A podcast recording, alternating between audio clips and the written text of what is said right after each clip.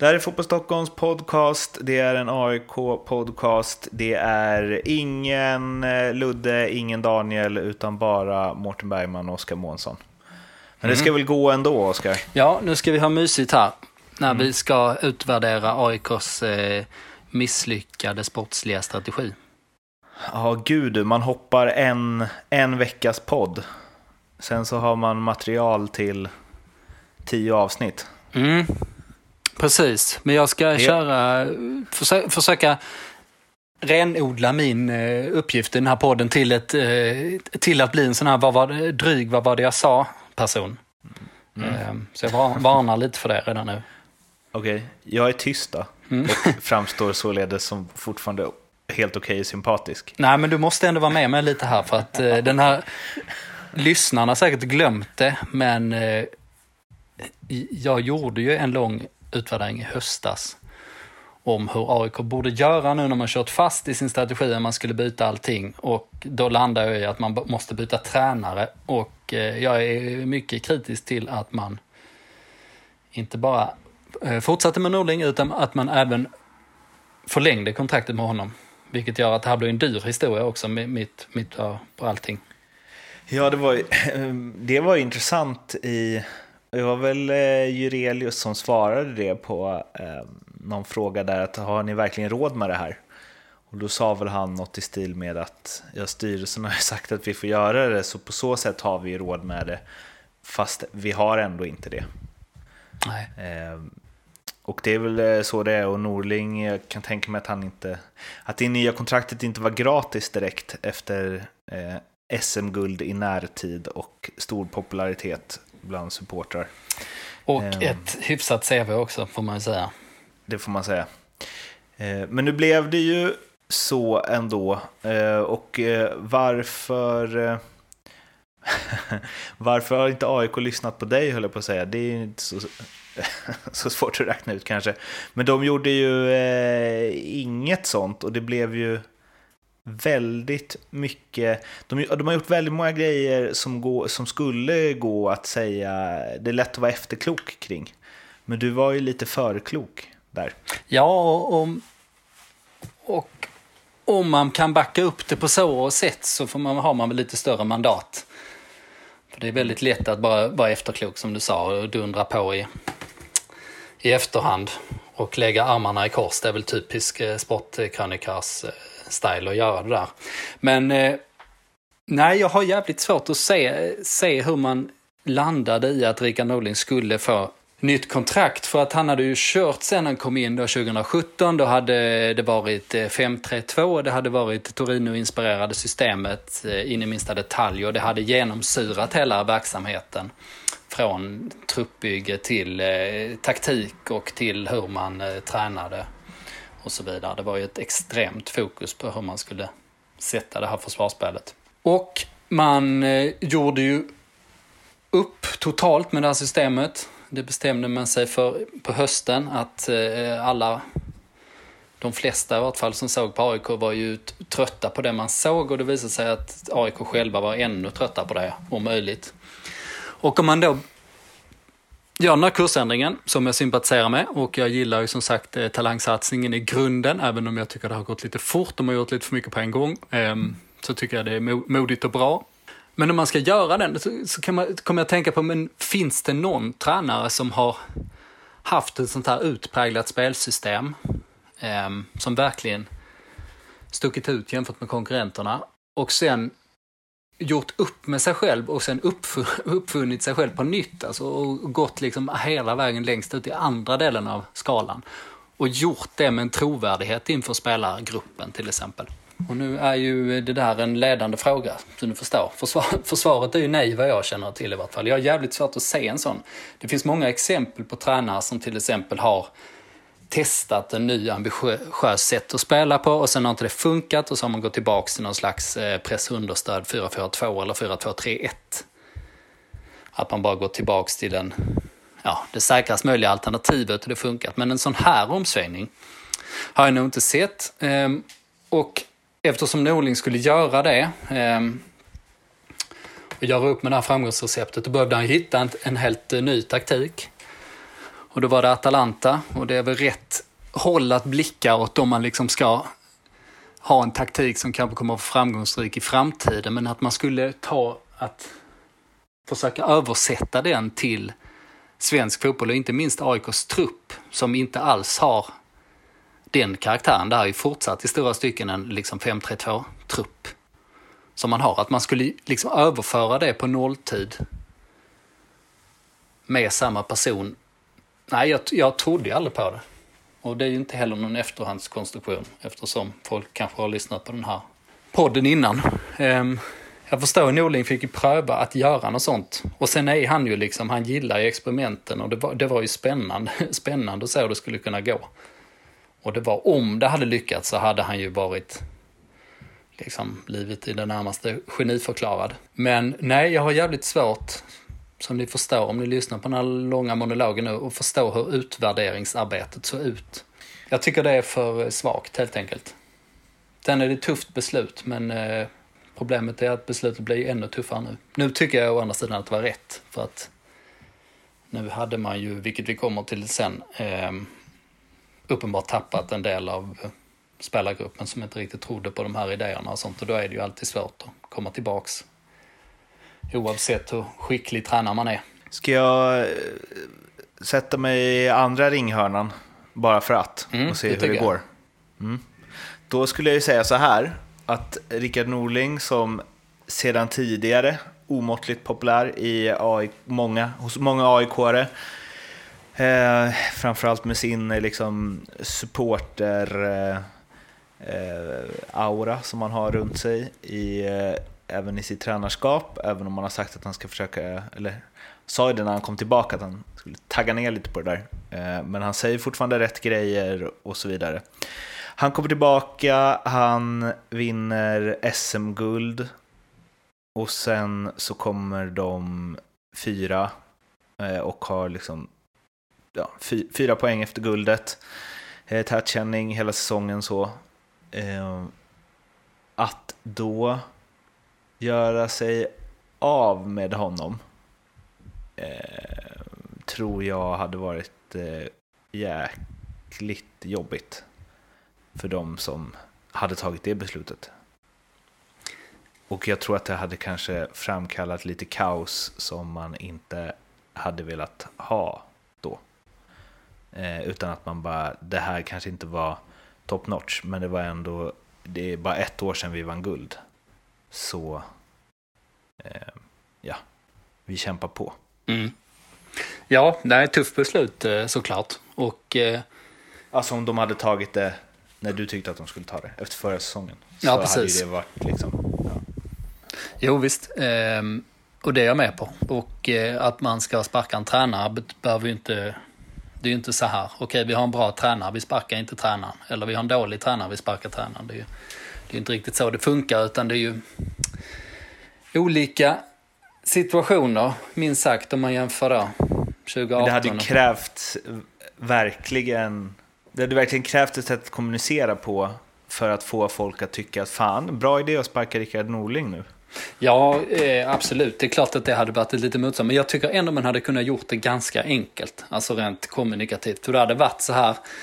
Ehm, vi, vill, vi vill göra en nysatsning, vi vill spela på ett annat sätt. eh, och därför tror vi att vi behöver en, en ny röst och en ny metodik. Jag tror inte man hade behövt göra det svårare än så. Och sen hade man tackat av Rickard Norling för ett eh, strålande utfört jobb. Helt Det enkelt. finns ingen, det finns ingen risk att Ni- Rickard Norling då hade sagt att men fan, jag kom med ett förslag på ett nytt spelsätt för att spela på ett annat sätt som jag trodde stenhårt på. Men Jo. de ville inte det. Jo, jo, absolut. Det hade han ju säkert kunnat säga. Men eh, det är smäll, smällar man får ta, tänker jag mig. Men jag, jag menar bara att när man eh, sitter och bestämmer i en sån klubb, att ta det beslutet att kicka en tränare som trots allt vunnit guld i närtid, eh, varit helt okej framgångsrik förra året, eh, är en erkänt skicklig tränare, är en person som är väldigt omtyckt av AIK-supportrar. Om, det, om man hade kickat honom och sen hade det fortfarande inte gått bra, alltså nu i år, det hade ju, den personen som hade tagit det beslutet hade ju blivit idiotförklarad. Ja, och det har du ju en poäng i när du tar den ställningen. För det hade ju inte bara varit eh, att ta in någon annan, så hade det gått bra om man ska göra några talangsatsningar. Så den är ju, den är ju tuff. Mm men jag tycker ju också att man valde, som sagt, jag tyckte av den här dubbla retoriken man körde på försäsongen där den ena, ena, å ena sidan hette att man skulle vinna allt och å andra sidan att man skulle eh, utveckla truppen. Jag tyckte bara man skulle säga nummer två och på så sätt ge sig själv eh, lite svängrum för att starta om. Och det är alltid tufft i AIK att göra det, men man hade ju åtminstone gjort det mer ärligt och man hade ju inte riskerat, det blir inte samma fallhöjd som det blir det här året. För att eh, det var ju ganska uppenbart när vi gick in den här säsongen att det är ju ingen guldtrupp som AIK har. Det är ju svårt att säga att ett lag som skulle starta säsongen med eh, Yassir Asani och Saku Ylätupa som de två offensiva startspelarna. Information. Har något med ett guldlag, guldlag att göra. Den, den var ju svår att se. Däremot kunde man ju tänka sig att ja, det finns ju en hel del kvalitet och, och man har ju en del spelare som inte bidragit än. Så, så det hade ju liksom inte varit omöjligt att säga att man eh, ändå varit hooked där bakom, liksom på en Europaplats. Att man kanske var trea, fyra, femma, sexa där någonstans. Men då hade ju det kunnat ses som kanske en eh, bättre säsong om man, om man tonat ner saker och ting lite grann. Men eh, en sak som kanske var en del i hans fall eh, var väl kanske förtroendet hos spelare eh, och eh, Dagen efter, eller samma dag som det beskedet kom, gjorde Felix Michel en intervju med, hjälp mig nu, Södertälje... Ja, Länstidningen Södertälje. Just det. Där han var ganska ärlig med att det fanns en del spelare i truppen som, eh, vi har varit inne på det tidigare, inte känner så mycket motivation kanske under Norling för att det var så tydligt att det var spelare han inte trodde på. Eh, och när de väl fick spela då, då, för att AIK blev ändå tvungna att rotera lite eh, med tufft matchschema och så vidare. Eh, att de kanske helt enkelt ville ha bort eh, Norling och därför inte eh, jobbade röven av sig direkt. Eh, det är sällan man hör en spelare vara så ärlig med det, så kort inpå. Ja, det får man säga. Det var efter den här Silencio Stampan ville alla snacka. Som vår favorit AIK-twittrare Dratz eh, skrev, konstaterade på Twitter. Eh, plötsligt var det väldigt mycket information som kom ut inifrån klubben.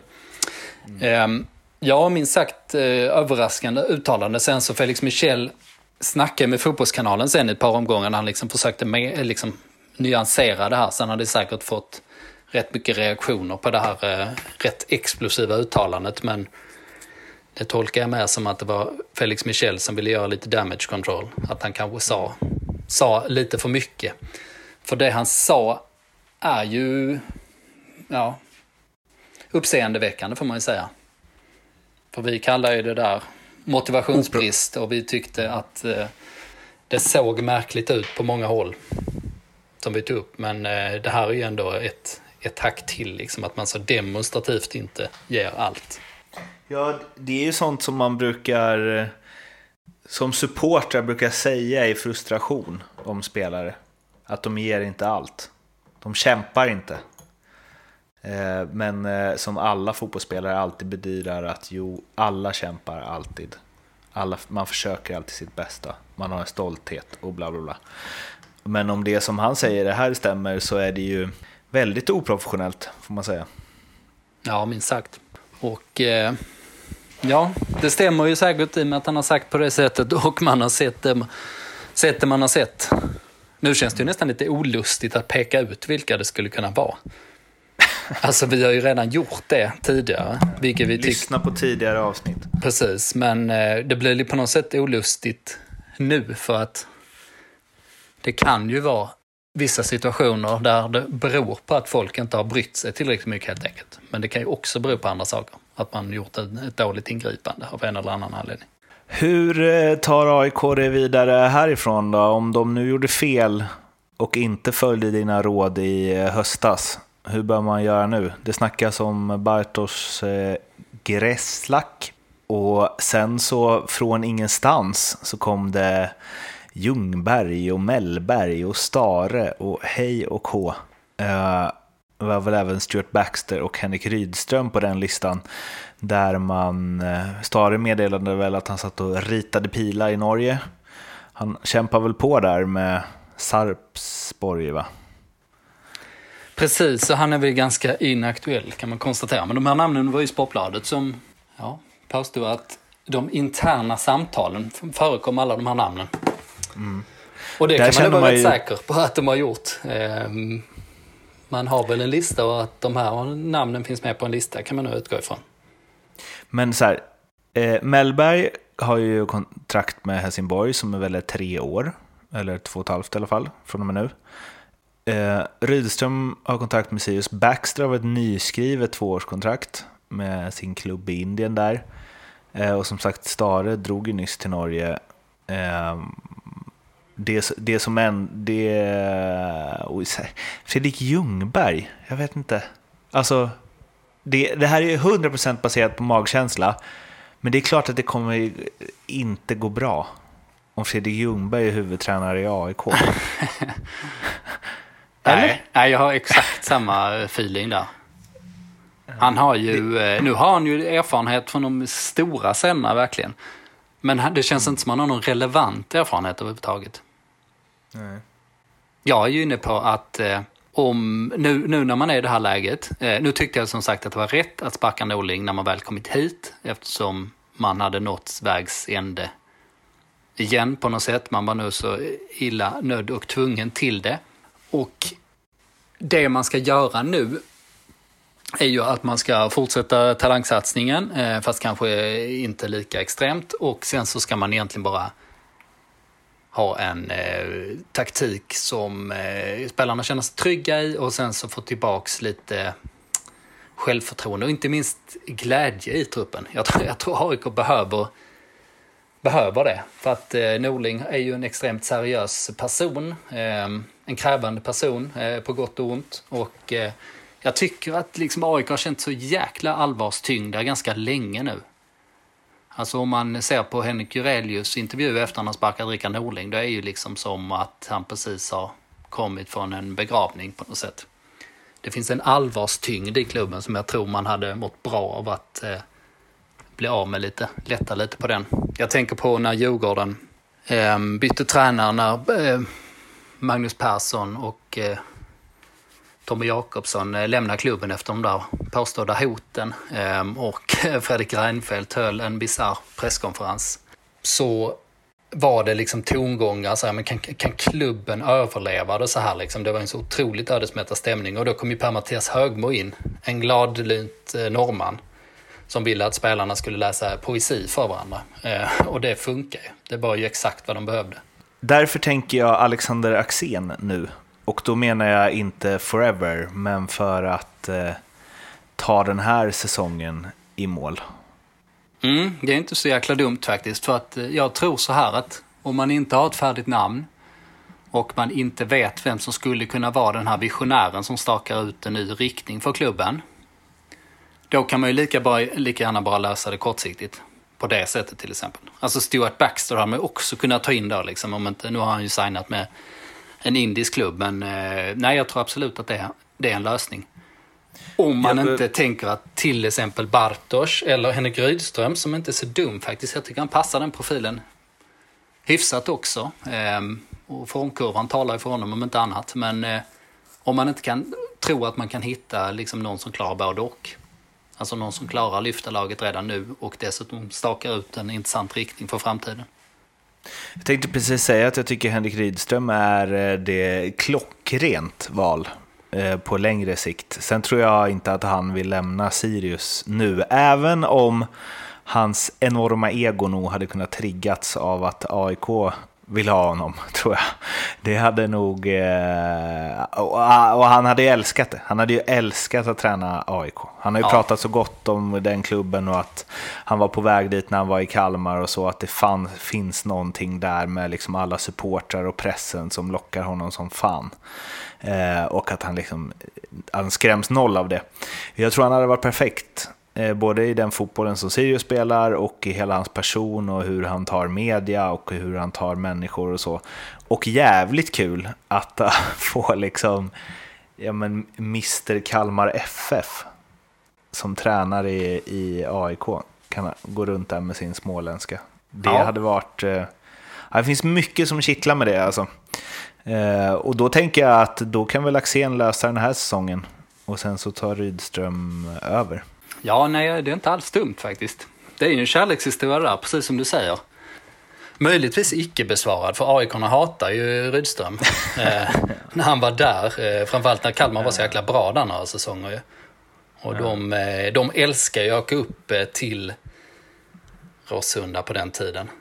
Och mm. även de första åren kanske på Frölunda. Nej, Råsunda var det främsta. Men eh, de älskade det där ju. De gjorde ett stort nummer att de var bönderna. Liksom. Det var ju självklart mm. att de skulle posera på, eh, på Sportbladets etta med liksom grep och högaffel och sånt här. Liksom. För att mm. de var så trygga i det på något sätt. Men eh, precis som du sa, eh, Rydström har alltid gillat AIK. Alltid talat eh, sig varm och alltid varit fascinerad av klubben. Eh, på något sätt. Och ja, den självklara uppställningen har vi ju kallat nästa punkt ju. Mm. Den limmar ju med Rydström. Verkligen. Sen så ska vi väl lägga till att det är väl rätt troligt att det blir Bartosz eh, som tar över. Det känns ju ganska logiskt att det skulle bli så och eh, den eh, är ju lite av en chansning. Man vet ju inte riktigt vad han går för såklart som eh, i egenskap av huvudtränare. Men det är ju liksom en populär person med ett eh, ja, allmänt gott renommé får man väl säga när man snackar med folk. Och eh, en bakgrund i klubben, vilket såklart är ett, ett litet plus också. Ja, och det är väl eh, också en enkel lösning i den här svåra situationen på något sätt. Att ta honom, man vet vad man får, man känner varandra. Eh, känns som att han garanterar någon form av nivå i alla fall. Samtidigt så får man ju säga att eh, han har väl ett ganska bra uppdrag idag med eh, juniorlandslag eh, och liksom det känns, det känns ju, han kommer inte bara komma för att AIK ringer. Utan det måste, då måste de erbjuda något som är intressant också. Och då är det ju ett längre kontrakt. Jag kan inte tänka mig något annat. Nej, jag har också svårt att se vad han skulle vinna på att ta det här korta. Som, nu tror jag för sig Axén är jävligt nöjd med att stå i tv-studion. Inte minst med lönen som jag, som jag har förstått det. Okay. Att det är mycket trevligt jobb att ha. Ja. Men eh, visst alltså Axén, han, eh, apropå att älska AIK, så ja. är ju folk säkert väl bekanta med hans tatueringar och hund som var döpt efter Gary Sundgren och allt vad det är. Men han hade ju rätt upp det. Och han har ju aldrig tränat någon eh, klubb av den digniteten, så det var kul att se hur han hade lyckats med det där. Sen så, han behöver väl liksom, om man pratar med fotbollsutbildade eh, tränare och så, att liksom Axén kanske behöver någon som backar upp honom, likt eh, Axel Kjell gjorde i Örebro. Eh, men just att få folk, det du var inne på, liksom sänka graden seriositet Eh, eller seriositet är fel, men ja, allvarsamhet. Mm. Eh, och istället höja liksom good vibes. så är ju han eh, perfekt. Och det kanske är det de behöver nu. Alltså den här säsongen, visst de ska försöka ta sig in i Europa och så, men jag vet inte, har de så mycket större chans att göra det med Bartos än med Alexander Axén? Då känns det bättre att bara köra på en lösning och verkligen tänka igenom vad som ska hända nästa år. Sen kanske Alexander Axén gör skitbra resultat. Och då blir det svårt att göra sig av med honom, men det är väl ett senare problem i sådana fall. Mm. Så är det, och vi tror väl inte heller på Axén, men eh, intressant tankeexperiment om inte annat. Nej, det blir väl Bartos. Alltså, väl, eh... Eftersom alla på den listan som Sportbladet eh, säger sig veta att AIK har eh, är ju namn som är föga troliga. Att de ska komma nu. Mm, det är ju faktiskt så. Och, okay. och är det bra då, Bartos? Om vi, vi säger att det blir det. Ja, eh, oskrivet får man säga. Ett populärt val får man väl konstatera att det är. Eh, jag tror att folk i allmän här, det är ju liksom inget household name, men i AIK-kretsar är han ju högt eh, ansedd och eh, i lite smalare fotbollskretsar har han ju också ett, eh, ja, ett gott renommé som sagt. Som en eh, skicklig tränare och en trygg eh, ledare. Och den nyare generationen får man väl säga. Även om man kanske inte är någon sån här eh, taktisk, eh, alla att han är extrem i sin taktik på något sätt. Så, eh, ja, nej men nu kommer vi till taktiken. Den är ju självklar i vart fall. 4-3-3. Nu, nu har vi lämnat det här att jag eh, eh, kör på med mitt dryga, vad var det jag sa, taktik. Nu, nu blir det lite konstruktivt där igen. Mm. Men dock med en hög svansföring. För detta är ju svaret, detta är ju svaret på hur de ska spela. Ja. 4-3-3. Ja. Hur 4-3-3. formerar du den då? Ingen annan eh, taktik känns ju vettig just nu. För man, man, man måste ju ta någonting som spelarna kan, som sitter i ryggmärgen hos de flesta. Och det är en fyrbackslinje, det givna. Och där framme måste man spela med kantspelare och man har egentligen bara Henok som central anfallare. Och då blir det ju tre gubbar där fram. Och sen kan man formera ett eh, inom mitt fält. Och inom mitt fält kan man väl börja med. Det är ju ganska enkelt där med att få det Seb Larsson och förmodligen Bilal. Men man kan experimentera lite med det. Man sk- skulle kunna sätta Nabil längst fram till exempel där om man vill ha en väldigt offensiv spets. Eller Ylle Topa om han nu hittar någon slags form. Eller Ado om han får tillbaks någon slags eh, motivation nu med en ny spelare. Man vill ett jävligt stadigt inom mitt fält. Men det är ju en stark lagdel om man har tre gubbar där. Det är inget snack om saken. Eh, Henok som sagt center. Gammeldags hederlig center och sen på kanterna kan man ju eh, tänka sig att på pappret är det bästa Nabil och Paulus Abraham. Men eh, där finns ju lite allt möjligt man kan alternera med. Det är det som är ju när man ställer upp en potentiell 4-3-3 AIK 11 eh, och tänker att eh, alla kommer vara friska och hela och orka spela. Då ser det rätt bra ut. Ja, men jag tycker det. Jag tycker det. Backlinjen kan vi ta det också ju. Det är inget större fel på den. Nej. Mittbackar kan man välja lite. Där kan man köra med Per Karlsson och Karol Metz i mitten. Eh, Det finns ju Granli och Tihi som alternativ också. Högerback, jag tycker Robert Lundström är det bästa alternativet där. Ehm, och han skulle ju kunna lyfta. Han har inte så mycket att eh, begränsas av egentligen. Alltså han är ju förbi den där skadan och sånt. Det är väl, jag vill också bara att han ska träffa rätt under en ny tränare. Och sen på pappret vänsterback vill man ju säga Otieno. Men än så länge funkar det ju med eh, Erik Hall och det funkar ju med Linkvist också. Återigen motivationsfaktorn där. Såg någon 11 som någon hade ritat upp där det var Kall till vänster och Tihi till höger, tror jag. Mhm. Ehm, att man menar att han kan liksom... Ja, men han verkar ju kunna spela överallt, Tihi. Eller han har liksom anpassat sig eh, oavsett nu, känns det som. Mm. Jo, det hade säkert nej. gått. Men jag ser honom mer som nödlösning där. Då sätter jag nog hellre Granli som högerback efter Lundström också, tror jag. Jag vill, tio vill, nog, vill jag ha i mitten om han, om man ska spela. Och att du gärna mm, liksom representing Norway där också. Ska ha in Granli. Ja, precis. Kan vara, kan vara subjektiv där. Men eh, nej, inte, inte så dumt. Det, det känns som att eh, det blir lite lättare att sortera truppen också på något sätt om man spelar 4-3-3. Mm. Det kan ju vara på gott och ont i och för sig att man har många alternativ om man spelar i den här, med, i den här vilda 3-4-3-formationen. Men eh, jag, gillar, jag gillar ju när det finns tydliga första och andra alternativ på alla positioner på något sätt. Jag tycker den typen av truppbyggen vinner alltid i längden. Och då utnyttjar man ofta resurserna på bäst sätt också. Så med allt det sagt, så vad tror vi om AIKs resterande 2020? Ja, vad tror vi egentligen? vi tror ju inte att de tar en Europaplats. Och vi tror ju inte att eh, de har något med nedflyttningsstriden att göra. Europaplats, då måste det ju till någon sån... Eh, ja, Axén kommer in, alla mår skitbra, sju raka segrar, hej och hå. Det är öppna träningar konstant, till och med i dessa tider. Nej, men det måste ju till något liksom eh, väldigt...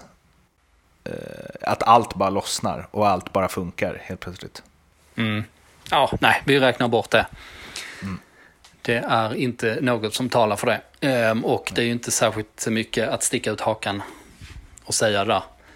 Så eh, Nej, eh, verkligen en mellansäsong kan man väl räkna med att det blir, men då får man väl eh, eh, fokusera på de andra sakerna som är viktiga och se till att de här spelarna som man nu har släppt fram, att man fortsätter ge dem speltid, om än inte i samma utsträckning så ändå ganska mycket. Eh, och eh, nästa år är intressant trots allt om man ska avsluta i lite eh, positiva tongångar eftersom eh, AIK kommer ju vara relativa vinnare i den här krisen. Ehm, har vi ju slagit fast tillsammans med vår vän eh, Kristoff Fogel, eh, bland annat, när han analyserar AIKs finanser. Ehm, det här blir tufft för dem, men det kommer bli tuffare för de, de flesta andra. Och med de här, alla de här kontrakten som går ut på äldre eller åtminstone inte unga spelare ehm, så kommer man ju göra av med tunga löneposter, löneposter där man eh, kan ta in nya intressanta spelare. Så, så, så det är ett jäkligt intressant bygga om-läge till nästa år. Och eh, man har ju trots allt talanger som, eh, ja kanske ingen annan till och med i truppen. Åtminstone som nästan ingen annan. Sen är det ju så här, och det är inte bara AIK utan det är alla lag vi bevakar egentligen. Men även om det här är en mellansäsong så är det ju ändå, det kommer ändå vara massa spännande nu. Och vart, vilken väg AIK stakar ur och vad som händer och hur talangerna utvecklas under resten av året. Och, alltså, eh, ja, det, det, man kan alltid hitta den spännande grejen i det. Och nu är det ju mer spännande, eller nu är vi liksom på samma spänningsnivå som inför säsongen helt plötsligt igen. Mm. Ja, absolut. Om vi fortsätter på det. Glaset är halvfullt mm. resonemanget så är det ju definitivt på det där sättet. Nu har ju inte AIK varit i den sitsen på länge och 2010 är väl det man får backa till. Men då var det ju liksom ingen glädje man gick ut säsongen med utan då var det mer en lättnad att man klarar kontraktet. Men om man, om man ska jämföra med någonting så, så Djurgården och Högmo-säsongen är väl bra där. Alltså för att de slutar väl typ sexa till sist och det var lite liknande sen med när eh, Pelle Olsson fick kicken och Mark Dempsey kom in och eh, de avslutade jävligt bra och då blev de sexa den säsongen också. Ehm, ja, det är liksom inga tabellplaceringar som betyder någonting, men bland supportrarna var det ju en fantastisk stämning. Alltså bara så här, okej okay, vi har haft skithögt eh, poängsnitt sista halvan av säsongen liksom. Vi har haft ett lika bra poängsnitt som de som eh, var i toppen. Eh, och vi har något nytt att bygga på liksom. Eh, och den känslan kommer jag också för såklart, om man får bra fart eh, under andra säsongen, eller andra, andra hälften av säsongen. Och, och eh, ja, men slutar sådär femma eller någonting. Så eh, ja, absolut. Yes, det var alles för den här veckan. Eh, vi finns på Twitter, vi finns på Facebook, vi finns på Instagram om ni vill snacka med oss innan ni får lyssna på oss igen om en vecka. Tills dess, må gott. Hej då. Hej då.